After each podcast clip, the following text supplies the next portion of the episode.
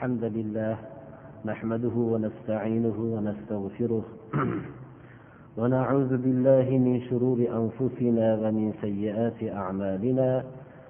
من يهده الله فلا مضل له ومن يضلل فلا هادي له. وأشهد أن لا إله إلا الله وحده لا شريك له وأشهد أن محمدا عبده ورسوله. أما بعد فيا أيها الناس اتقوا ربكم الذي خلقكم من نفس واحدة وخلق منها زوجها وبث منهما رجالا كثيرا ونساء واتقوا الله الذي تساءلون به والأرحام إن الله كان عليكم رقيبا. يا أيها الذين آمنوا اتقوا الله وقولوا قولا سديدا يصلح لكم أعمالكم ويغفر لكم ذنوبكم ومن يطع الله ورسوله فقد فاز فوزا عظيما أما بعد السلام عليكم ورحمة الله وبركاته alloh subhanahu va taolo bu yildagi borgan hajga borgan kishilarni butun olamdagi hajga borgan kishilarning hajlarini alloh subhanahu va taolo qabul qilsin. Riyo sumalardan xoli bo'lgan haj qilishlikni nasib qilgan bo'lsin. Alloh subhanahu va taolo hajga bormagan kishilarni borishlikni alloh nasib qilsin. Va haj amallarini mukammal bir bajarishlikka alloh madad bergan bo'lsin. Haj amallarini mana bir necha yildan beri borib kelayotgan kishilar hajni amallarini bir qator ko'rib kelayotgan kishilar buni ichida ko'proq bir tushunib kelayotgan kishilar ibrohim alayhissalomning va arina manasikana va tub alayna innaka antat tawwabur rahim oyatini bir qisman tushungan bo'lishadilar xudoyo bizlarning ibodat o'rinlarimizni o'zing ko'rsatgin deganlar ibrohim alayhissalom o'zlari shu yerda turib kabatullohni qurib shu kabatullohni qurgandan keyin ham ibodat o'rinlarini yo'llab ko'rsatib turgan jibril alayhissalom bo'lsalaru shu kishi ey robbim bizlarga ibodat o'rinlarini ko'rsatgin deb yolbordilar. Va shu nuqsonlarimga tavba qildim buni qabul qilgin dedi. Sen tavbalarni qabul qiluvchi mehribon zotsan mana bu oyatdan biz bilamizki haqiqatda hajga shuncha o'qib o'rganib borgan kishilar hajga borgan vaqtda hech narsani bilmasdan bir nima amal qilamiz qayerda bu shunday holatda bo'lib qoladi. Ibodat o'rinlarimizni ko'rsatgin deganlarini ma'nosini shunda tushunishadi. Va haj amallarining eng kattasi mana hammamizga ma'lum al hajju arafa. Haj arafadir. Ya'ni arafotdagi vukuf bu hajning asosiy ruknidir. Agar bir kishi sakkizinchi kuni ehrom bog'laydida to'qqizinchi kuni arafotda hozir bo'ladi peshin vaqtigacha hozir bo'lib shu peshin bilan to bomdodgacha bo'lgan vaqtgacha shu yerda biror daqiqa bo'lmasa hajga borgan hisoblanmaydi. Takror aytamiz peshin vaqtidan to bomdod vaqtigacha ozgina muddat shu yerda biror bir sayyorada uxlab o'tib ketib qolgan bo'lsa ham hoji bo'ladi. Lekin shu soatni ichida biror bir daqiqa bo'lmagan bo'lsa hajga borgan hisoblanmaydi.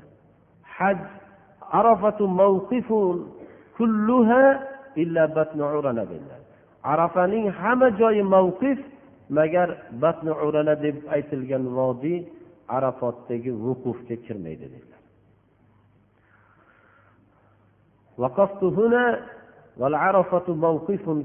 degan ekanlar ya'ni rasululloh sollallohu alayhi vasallam jabalur rahma rahmat tog'ini yonida turganlar bu yerda men turdim dedilar. Lekin arafotning hamma joyida turishlik mumkin dedilar. Bu yerda men rasululloh sollallohu alayhi vasallam turganlar deb shu tarafga ko'p odamni talpinmasin deganlikka ishora qilib qo'ydilar. Allohga hamdlar bo'lsinki payg'ambarlarning amallarini hikmatini bir borganda tushuniladi. Mana bu arafot tavofi ifoza ehrom bu hajning jamra birinchi katta jamratul aqibatul kubro bular eng katta amallardan hisoblanadi. Alloh subhanahu va taolo madad berguncha mana birga borgan hajga borgan kishilar shu amallarni qilishlikka bir harakat qilishgan bo'ldilar. Bo'lib ham birinchi yilda bir arafotdagi shunday bir holat vujudga kelgan edi. Bulturgi yilda ko'p arafotda turish qiyin bo'lgan edi. Bu yilgi yilda allohga ming hamdlar bo'lsinki arafotdagi vukuf alloh qabul qilgan bo'lsin bir ajib bir yaxshi bo'ldi. Peshin vaqtidan ilgari arafotga yetib borib shu yerdagi vukufni peshin bilan asrni jamlab o'qilinib shu yerda xutbani o'qishlik e, ham nasib bo'ldi. Shu yerda xutba o'qilinib peshin bilan asrni jamlab shu yerda shu duolarda ishtirok etgan birodarlarimiz mana ahli jomiyadan ko'pchilik bo'ldilar alloh subhanahu va taolo qabul qilgan bo'lsin.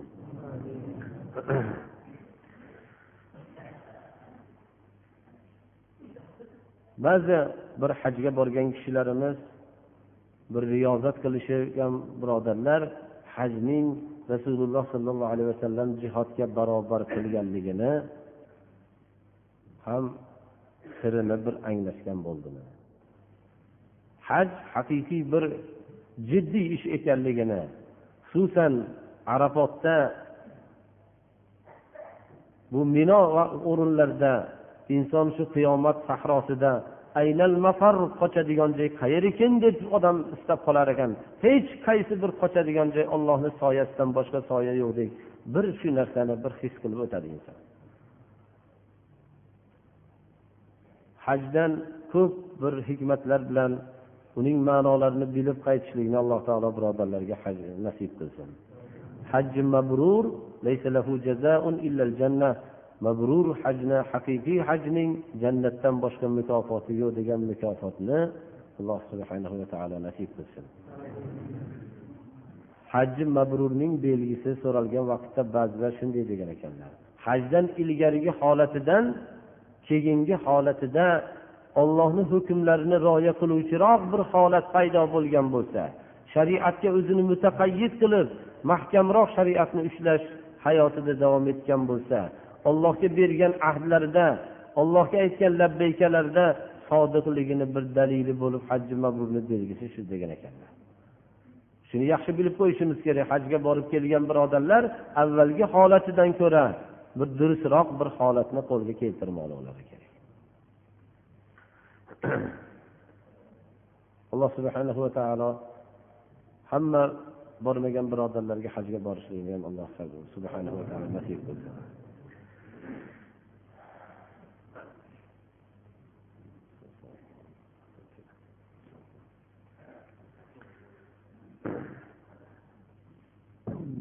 يوم يجمع الله الرسل فيقول ماذا أجبتم؟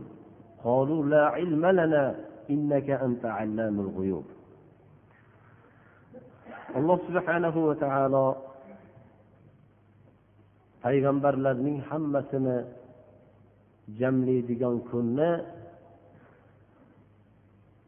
qur'oni karimda qur'oni karimni tilovat qilib turgan kishiga shunday jamlaganlik bir holatini ko'rsatyapti. Alloh subhanahu va taolo payg'ambarlarni hammasini jamlaydigan kunda ollohning hukmiga bir zarracha xiyonat qilmagan ollohni hukmi nima bo'lsa butun dunyo qarshi chiqsa ham shu qarshilikka bardosh berib ollohni hukmini o'zgartirmasdan shu sabot bilan turgan. Mana shu payg'ambarlarni jamlab alloh subhanahu va taolo ularga xitob qiladiki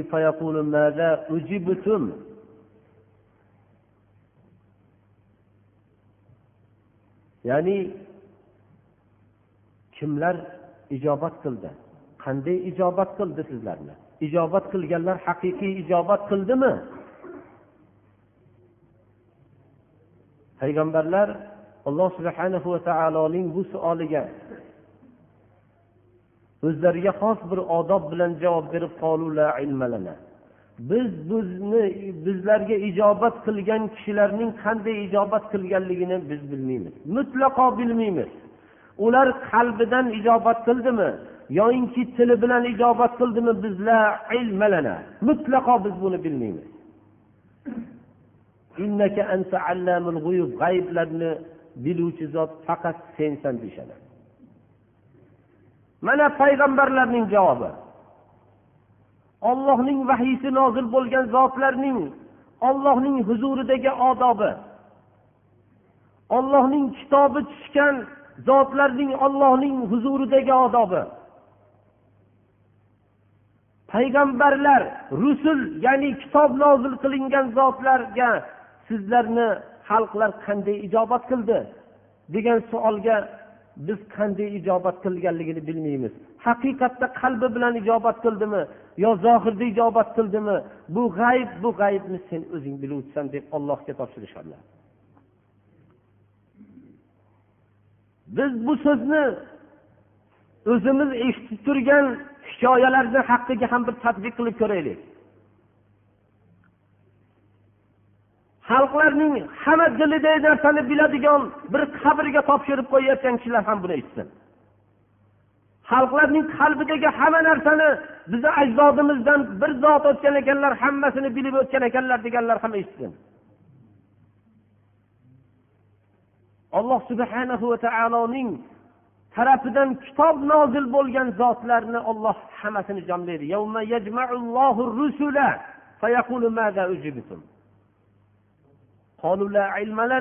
Mutlaqo bizni bilimimiz yo'q. Biz seni buyrug'ingga itoat qilib ularning zohirlariga kifoyalanganmiz. Botinlarini o'zingga qalblarning egasi bo'lgan o'zingga topshirganmiz. O'zing biluvchi zotsan deyishadi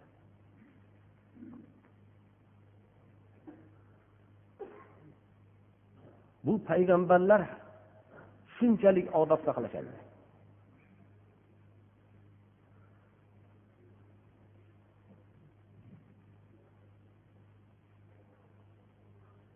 Iso alayhissalomdan boshqa payg'ambarlarni tasdiqlaganlar tasdiqlashdi. Ularni tasdiqlamaganlar tasdiqlamadi. Hamma ilmni bular olloh subhanahu va taologa topshirishdi. Lekin iso alayhissalomning alohida alloh taolo bu yerda zikr qilyapti.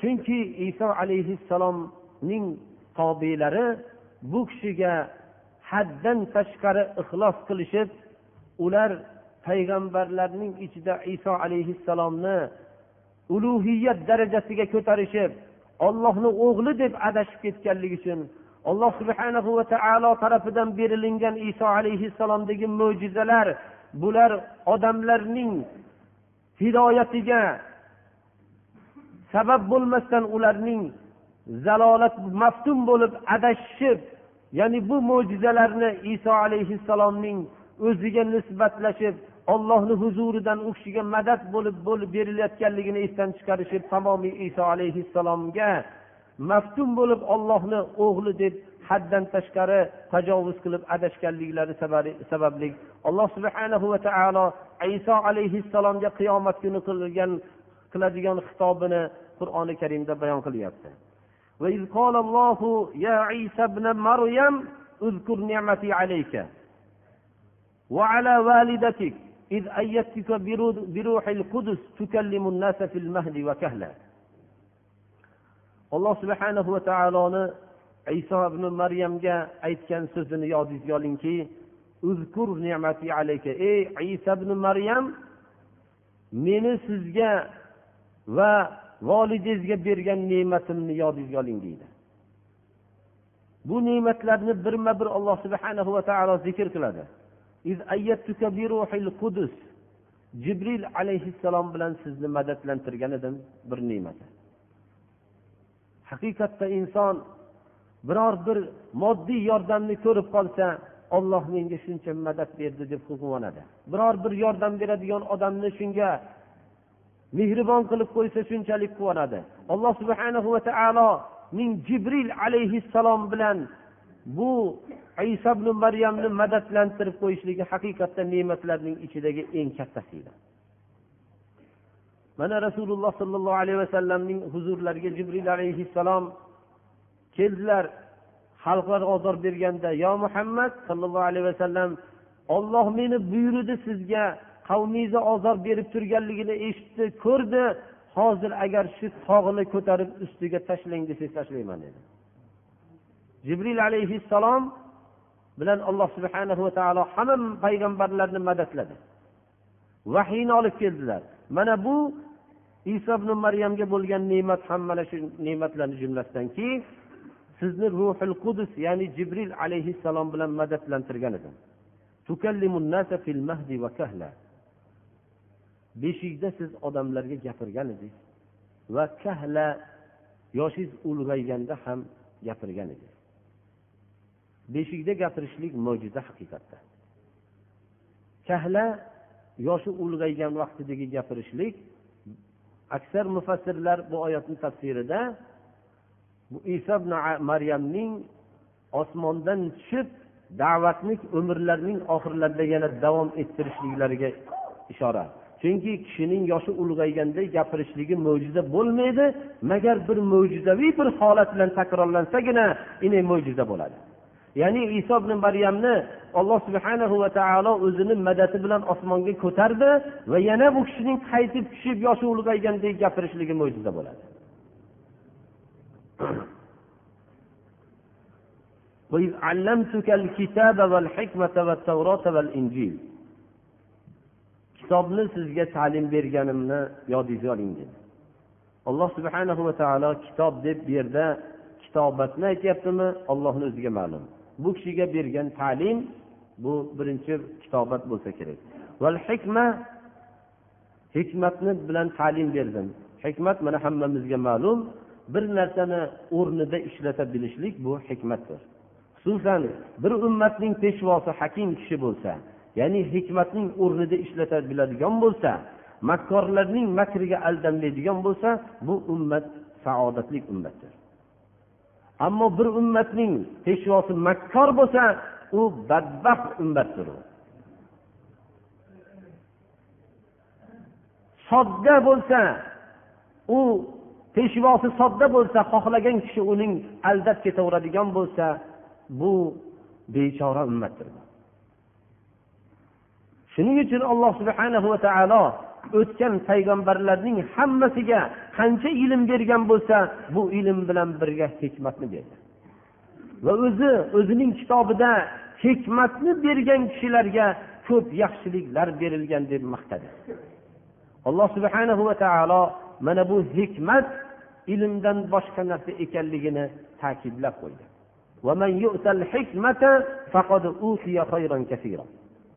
Biz bu haqda makr bilan taqqoslab ko'p tushuntirganmiz. Ba'zi vaqtlarda hikmat bilmasligimiz sababli ko'p aldanib qolamiz. Misol aytganimizda halimlikni maqtalib halim bo'laylik halimlik nihoyatda yaxshi sifat degan narsani bizga biror kishi aytsa bu haqiqatda halimlik yaxshi sifat ekanligini hamma biladi. Lekin dushman sizni yaxshilab urib o'chini urib zarba berib holdan toygandan keyin sizga halimlik haqida kitobni o'qib berishligi makrdir birodarlar. Bu vaqtda u halimlik yaxshi bo'lsa halimlikni men qilmayu siz qiling deb javob qilishimiz kerak. Ba'zi narsalarga sabr qiling. O'zingizni sabrli bo'ling degan ma'noda sabr yaxshi bo'ladigan bo'lsa siz boshlang deylik. Hakim odam makkor tarafidan kelayotgan bunday sifatlarni aldovini yaxshi tushunmoqligi kerak. Ummatning peshvosi shunday hakim odam bo'lishlikka ummat nihoyatda muhtojdir. Agar bir ummatga shunday hakim peshvo ato qilingan bo'lsa buning qadrlashlik ham unga lozimdir. U baxtli ummat bo'ladi. Chunki qiyodat yetakchilik aldangandan keyin tamomiy xalq aldanib ketaveradi. U dushman sizga uni yomon sifatni aytib aldamaydi. Misol qilib aytganimizda makkor odam sizga qanoat haqida ko'p gap yuritadi. Qanoatning yaxshi sifat ekanligida shak shubha yo'q. Lekin men sizni uyimga kelgan vaqtingizda qanoat haqida sizga kitob o'qib bersam kam ovqatlik haqida kitob o'qib bersam lekin sizni uyingizga borganda hotamtoyni hikoyasini o'qib bersamda saxovat haqida kitob o'qib bersam.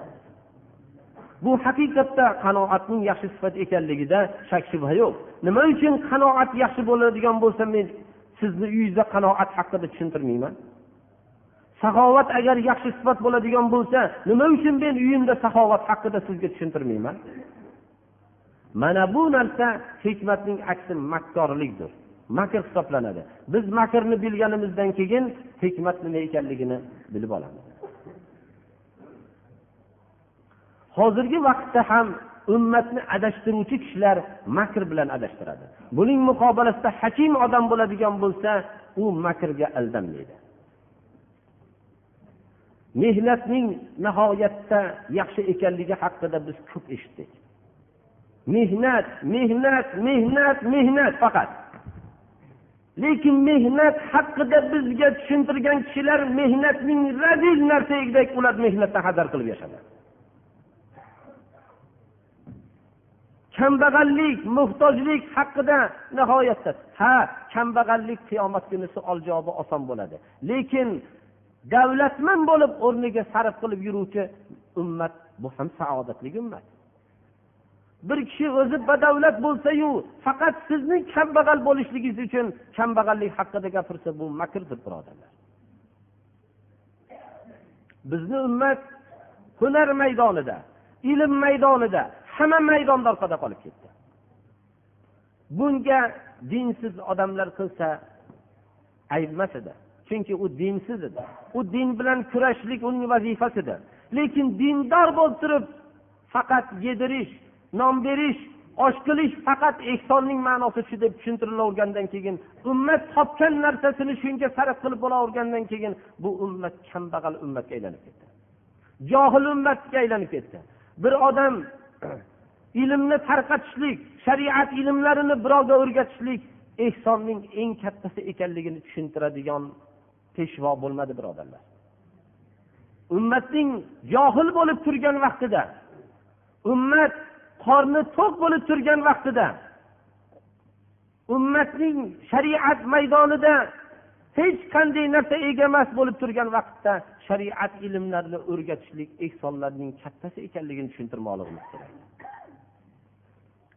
Shariatning oliyligini qur'oni karimni o'rganishlik kerakligini buni har bir o'rgatgan odamga juda katta bir ajr bo'lishligini tushuntirmoqligimiz kerak. Rasululloh sollallohu alayhi vasallam hakimlarning ustozi edi. U kishi badrdagi asirlarni hammasi qo'lga tushib turishgan vaqtlarida kofirlarning asirlari qo'lga tushganlarida o'nta odamga yozishlikni o'rgatib qo'yishlikka muqobalasiga bittalarini ozod qildi. Ozod qildilar rasululloh sollallohu alayhi vasallam. Shuncha katta molni olmadilarda kitobatni bilgan asirlarni kitobat yozishlikni o'rgatib qo'yishligini muqobalasiga ozod qildi biz ham birodarlar xonadonimizda hakim bo'lmoqligimiz kerak. Bir oilaning otasi hakim bo'lsa u oila baxtli ummatdir. Baxtli oiladir u. Shuning uchun hozir biz oilalarda jamiyatda hammamiz hakim bo'lgan musulmon kishilarga muhtoj bo'lib qoldik. Ammo makkor odam u hakim odamning bo'lishligini xohlamaydi. Kechasiyu kunduzi tamomiy shuni ehson deb bir ziyofatdan boshqa ma'nosi yo'q ehsonni deb shunga cheklanishlik natijasida islomdan bexabar avlod yetishib chiqdi. Hattoki namoz o'qimagan kishilar ham shu narsani qilib qo'ysak jannat bizniki deydigan darajaga chiqadigan johil bir avlod kelib chiqdi. Undan ham achinarlisi shuki ey birodarlar bu narsadan ko'ra islomni o'rganinglar shariatni bilinglar degan hakim bo'lgan kishilarni ularga bo'xton toshlari otildi. Bu baxtsiz ummat o'zining hakim peshvolarini tanimadi. Ba'zilarini qatl qildi. Ba'zilarining mahbus bo'lishligiga sabab bo'ldi. Ba'zilarini tuhmatlab tamomiy shu tuhmatda davom etdi.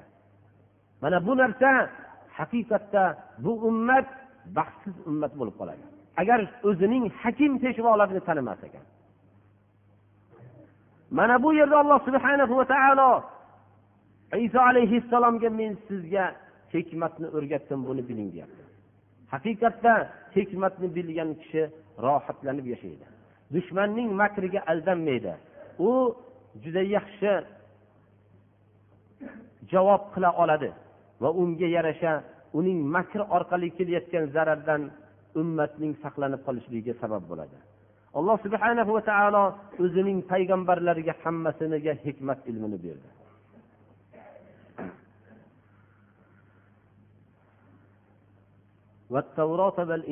Tavrot muso alayhissalomga nozil bo'lgan tavrotni alloh subhanahu va taolo iso alayhissalomga bildirdi. Val injil injil iso alayhissalomga nozil qilingan kitob edi mana bu narsani alloh subhana va taolo bildirdi bu ne'mat haqiqatda katta ne'matki bitta olloh tarafidan tushirilingan kitobni bilishlik bu har kimga nasib bo'lmaydi birodarlar وإذ تخلق من الطين كهيئة الطير بإذني فتنفخ فيها فتكون طيرا بإذني alloh subhana va taolo iso alayhissalomga mo'jiza bergan mo'jizotlardan bittasi bu kishi loydan shunday qushni shaklida bir shakl qilib turib shu loyga bir puf deb dam solsalar ollohni izni bilan qush bo'lib uchib ketardi. Bu ollohni izni bilan alloh subhana va taolo har bir oyatda takror qilyapti.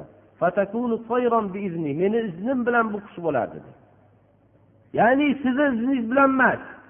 Siz loydan bir shakl qushni shaklini yasaysiz va shuni kuydaysiz bundan keyin meni iznim bilan qush bo'ladi dedi har bir narsa ollohni izni bilan bo'ladi.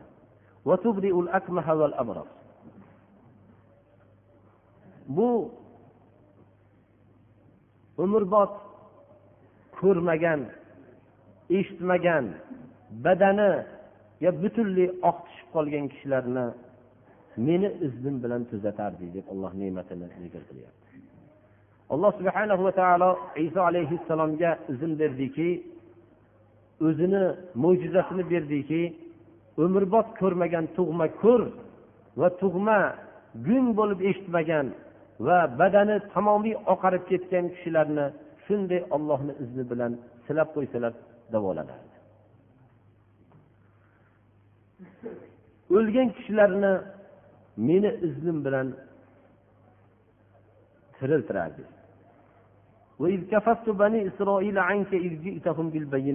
Ollohni izni bilan o'lgan kishilarni iso alayhissalom tiriltirib bu haqda o'zining ba'zi bir gaplarni aytishligini bilan isbotlangan mo'jizotni berdi. Bani isroilni sizdan himoya qildim. Mo'jizotlarni olib kelgan vaqtingizda ularning kofirlari bular sehr deyishdi. Odamlar juda qiziq. Hayotda biror bir yaxshi sifatlarni olib kelsa yo biror bir mo'jizotni olloh bergan bo'lsa u kishini hayotda sehrgar deydi. O'tib ketgandan keyin uning qabrini tuprog'i tamomiy olamni boshqaradi deb yuraveradi. Hayotida uni kofir deydi muttaham deydi og'ziga hamma yomon so'zlar bilan aytadida o'tib ketgandan keyin tamomi shunday bo'ladi hamma peshvolar shunday bo'lgan tarixda. Hatto imom azam rahmatullohi alayhi mana bu kishini doim xitob qilishar ekanki kofir deb xitob qilishar ekan. Bu kishini oxiri darra bilan urib o'ldirishdida bu kishini hozirgi vaqtdagi imom azam rahmatullohi alayhini biror bir so'zlardan bexabar bo'lgan kishilar u kishini hamma martabadan payg'ambarlardan ham ortiq qo'yib yurishadi. Lekin hayotlarida u kishidan yomon odam bo'lgan emas deyishadi. U tirik odamlar imom azam rahmatullohi alayhini zarracha hurmat qilishgan emas. U kishini ulug'ligini bilishgan emas hayotlarida.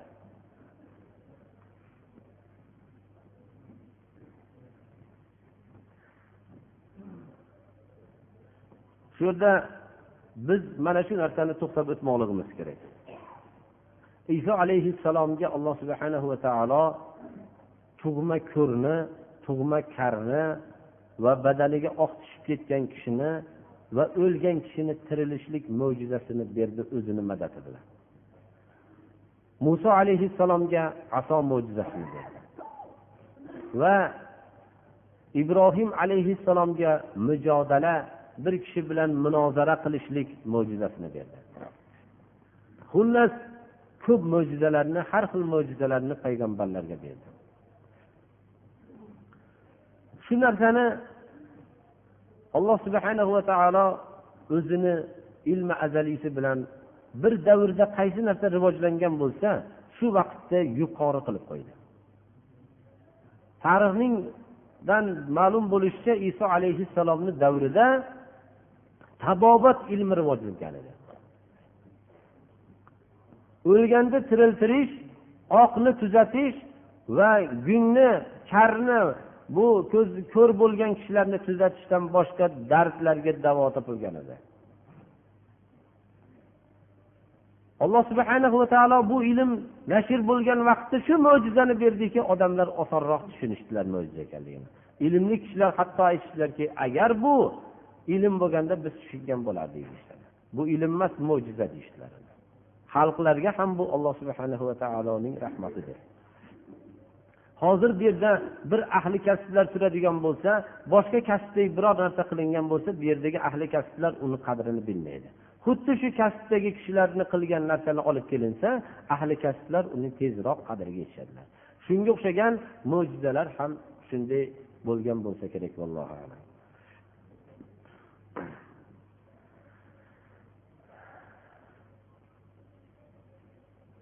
Subhanahu va taolo bugungi darsimizni ham alloh subhanava taolo qalbimizga jo qilsin. Iso alayhissalom haqida ko'p bir xalqlar u kishiga ergashgan kishilar maftun bo'lib adashib ketganligi uchun iso alayhissalom haqidagi bo'lgan dars inshaalloh yanagi darsga ham davom etadi. Uzun darsni o'z ichiga oladi. alloh subhanahu va taolo hammamizni ham gunohlarimizni mag'firat qilsin ibodatlarimizni alloh qabul qilsin اهدنا الصراط المستقيم صراط الذين أنعمت عليهم غير المغضوب عليهم ولا الضالين alloh subhanahu va taoloning bandalari ollohdan qo'rqinglar alloh subhanahu va taolodan qo'rqish ya'ni taqvo qilish insonning ollohni huzuridagi eng mukarram bandasi bo'lishligiga sabab bo'ladi. Ollohni huzurida kishilar mollari yoinki ko'p urug'ligi yoinki boshqa bir millatga bir mansubligi bilan ulug' bo'lishmaydi. Ollohdan taqvo qilishlik bilan bo'ladi. Ollohdan taqvo qilish ollohni buyruqlarini ixlos va olloh buyurgandek qilishlik bilan bo'ladi. Taqvoning ma'nosi bundan boshqa emas. Ya'ni olloh buyurgan narsani faqat ollohning rizosi uchun qilish va olloh buyurgandek qilishlik bilan ikkala sifat jamlagandagina kishida taqvo hosil bo'ladi. Ammo aqli bilan o'zining falsafasi bilan yo havosi bilan bo'lgan amallar bular har qancha shariatga muvofiq bo'lgan bo'lsa ham u ixlos topilmaganligi uchun bekor bo'ladi. Riyo suma bu bizni tilimiz bilan aytganda xo'ja ko'rsin bo'lgan amallar har qancha shariatga to'g'ri bo'ladigan bo'lsa ham bular maqbul bo'lmaydi. Ollohni huzuriga faqat kalimut toyib va amalu solih. Bu yerga pokiza so'zlar pokiza amallargina ko'tariladi. Qolgani shu kimga qilingan bo'lsa shu yerda qolib ketaveradi. Ollohning payg'ambarlari mana shu ma'noni tushuntirishlik uchun kelishdilar. Ular ollohga ibodat qilinglar ollohga ibodat qilinglar sizlarga sig'inadigan boshqa ollohdan boshqa ma'bud yo'q deyishdilar. Ya'ni qilgan ibodat bilan ollohdan boshqaga qarab ollohdan boshqadan mukofotini umid qilishlik bu ollohdan boshqaga ibodat qilish degan ma'noni bildirishdilar. Mana shu ma'noni bildirish yo'lida tamomiy qiyinchilikni boshlaridan kechirishdilar. Tamomiy mashaqqatni tortishdilar. Sizlar ollohga ibodat qilinglar. Sizlarga ollohdan boshqa sig'inadigan ma'bud yo'q dedilar. Bir kishi bir amalini birov uchun qilgan bo'lsa amali har qancha katta to'g'ri amal bo'lsa ham bular habata bo'ladi. Bu ixlos va solih bu ixlos sifati bilan to'g'ri amalning to'g'ri bo'lishlik ikkala sifati amalning maqbul bo'lishligining shartidir. Bu insonning oxirgi hayotining daqiqasigacha davom etmoqligi kerak. Mabodo o'rtada biror bir shirk amalini qiladigan bo'lsa o'zining ibodatida ollohdan boshqani sharik qiladigan bo'lsa shu kunda har qanday avliyoulloh bo'lsa ham amali habata bo'ladi. Alloh subhana va taolo o'zining jo'natgan payg'ambarlarning eng habibi muhammad alayhissalomga xitob qilib agar shirk keltiradigan bo'lsangiz amalingizni habata bo'lishligida shak shubha yo'q dedi.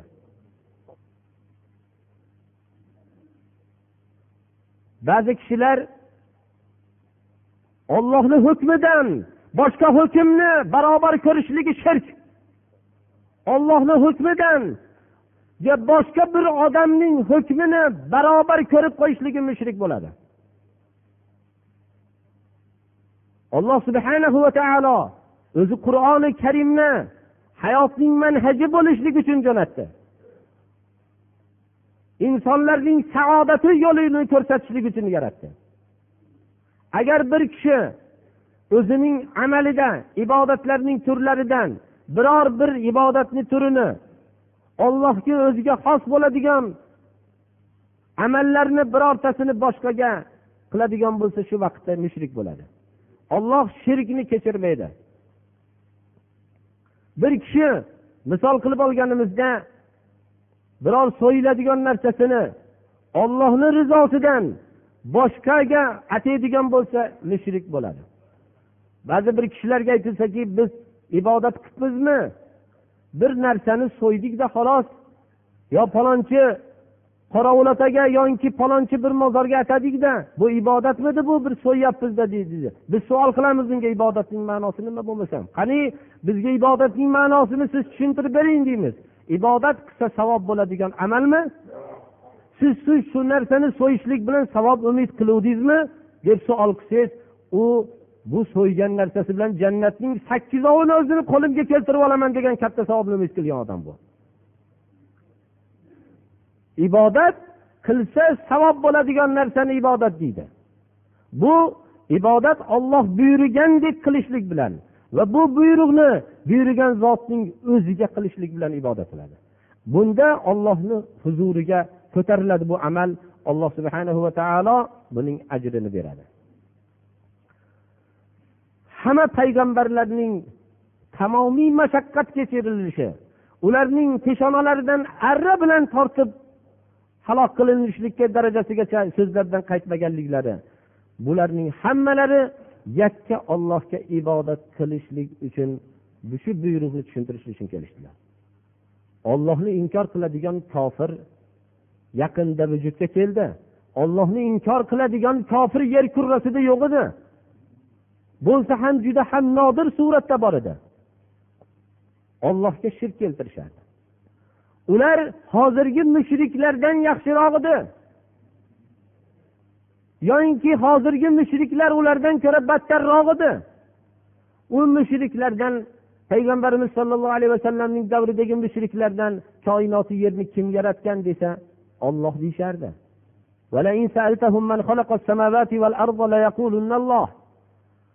Yeru koinoti yerda rizqni kim beradi deyilsa olloh deyishardi.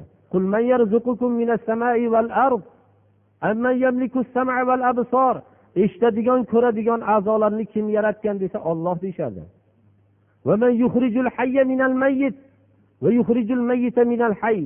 O'likni tirikdan tirikni o'likdan kim chiqaradi desa olloh deyishardi. Koinotni kim boshqaradi deyilsa olloh deyishardi. Olloh deyishardi shu mushriklar lekin ular qilgan ibodatlarini ollohni o'ziga qilishmasdi. Ollohga ibodat qilishliklarida o'zlari bilan ollohni o'rtasida vosita qilishardilar. Shuning uchun mushrik bo'lishdilar shuning uchun islomdan chiqishdilar shuning uchun rasululloh sollallohu alayhi vasallam yigirma uch yil jihod qildilar shular bilan.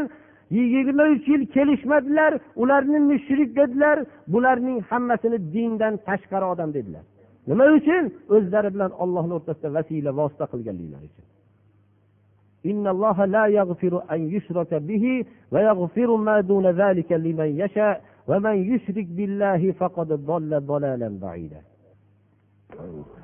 بسم الله الرحمن الرحيم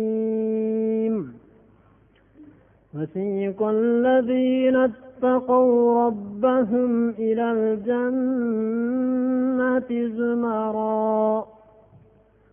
حتى إذا جاءوها وفتحت أبوابها وقال لهم وقال لهم خزنتها سلام عليكم طبتم فادخلوها خالدين. وقالوا الحمد لله الذي صدقنا وعده وأورثنا الأرض وأورثنا الأرض نتبوأ من الجنة حيث نشاء. ونعم أجر العاملين. وترى الملائكة حافين من حول العرش يسبحون بحمد ربهم. وقضي بينهم بالحق وقيل الحمد لله رب العالمين. سبحان ربك رب العزة عما يصفون وسلام على المرسلين والحمد لله رب العالمين. اللهم تقبل منا انك انت السميع العليم اللهم ارحمنا بالقران العظيم واجعله لنا ولا علينا حجه يا رب العالمين يا مقلب القلوب ثبت قلوبنا على دينك يا مصرف القلوب صرف قلوبنا على طاعتك رحمتك يا ارحم الراحمين muhtaram jamoat bu hajdagi ko'p olimlar bu yerga kelgan olimlar bilan uchrashilgan bo'ldi Va jomiyimizda bo'lgan shu olimlar ham salom aytishib olgan hamma uydagi nimalarga. Uydagi ahvollarda so'rashgan ahvollarda allohni irodasiga muvofiq o'zi musulmonlar o'zlarini boshlaridagi nimani hayotni kechirishyaptilar deb shuni xabarini qilingan bo'ldi. Shudek ko'p kishilarga salom aytganlar shu salomni yetkazib qo'ygan. Hammalari ko'p ahli ilmlar bu yerdagi bo'lgan kishilar mana o'zinglar ko'rgansizlar juda ko'p kishilar kelgan ko'pchilik bilan shu hajni munosabati bilan ko'rishilgan aytishdilar hammalari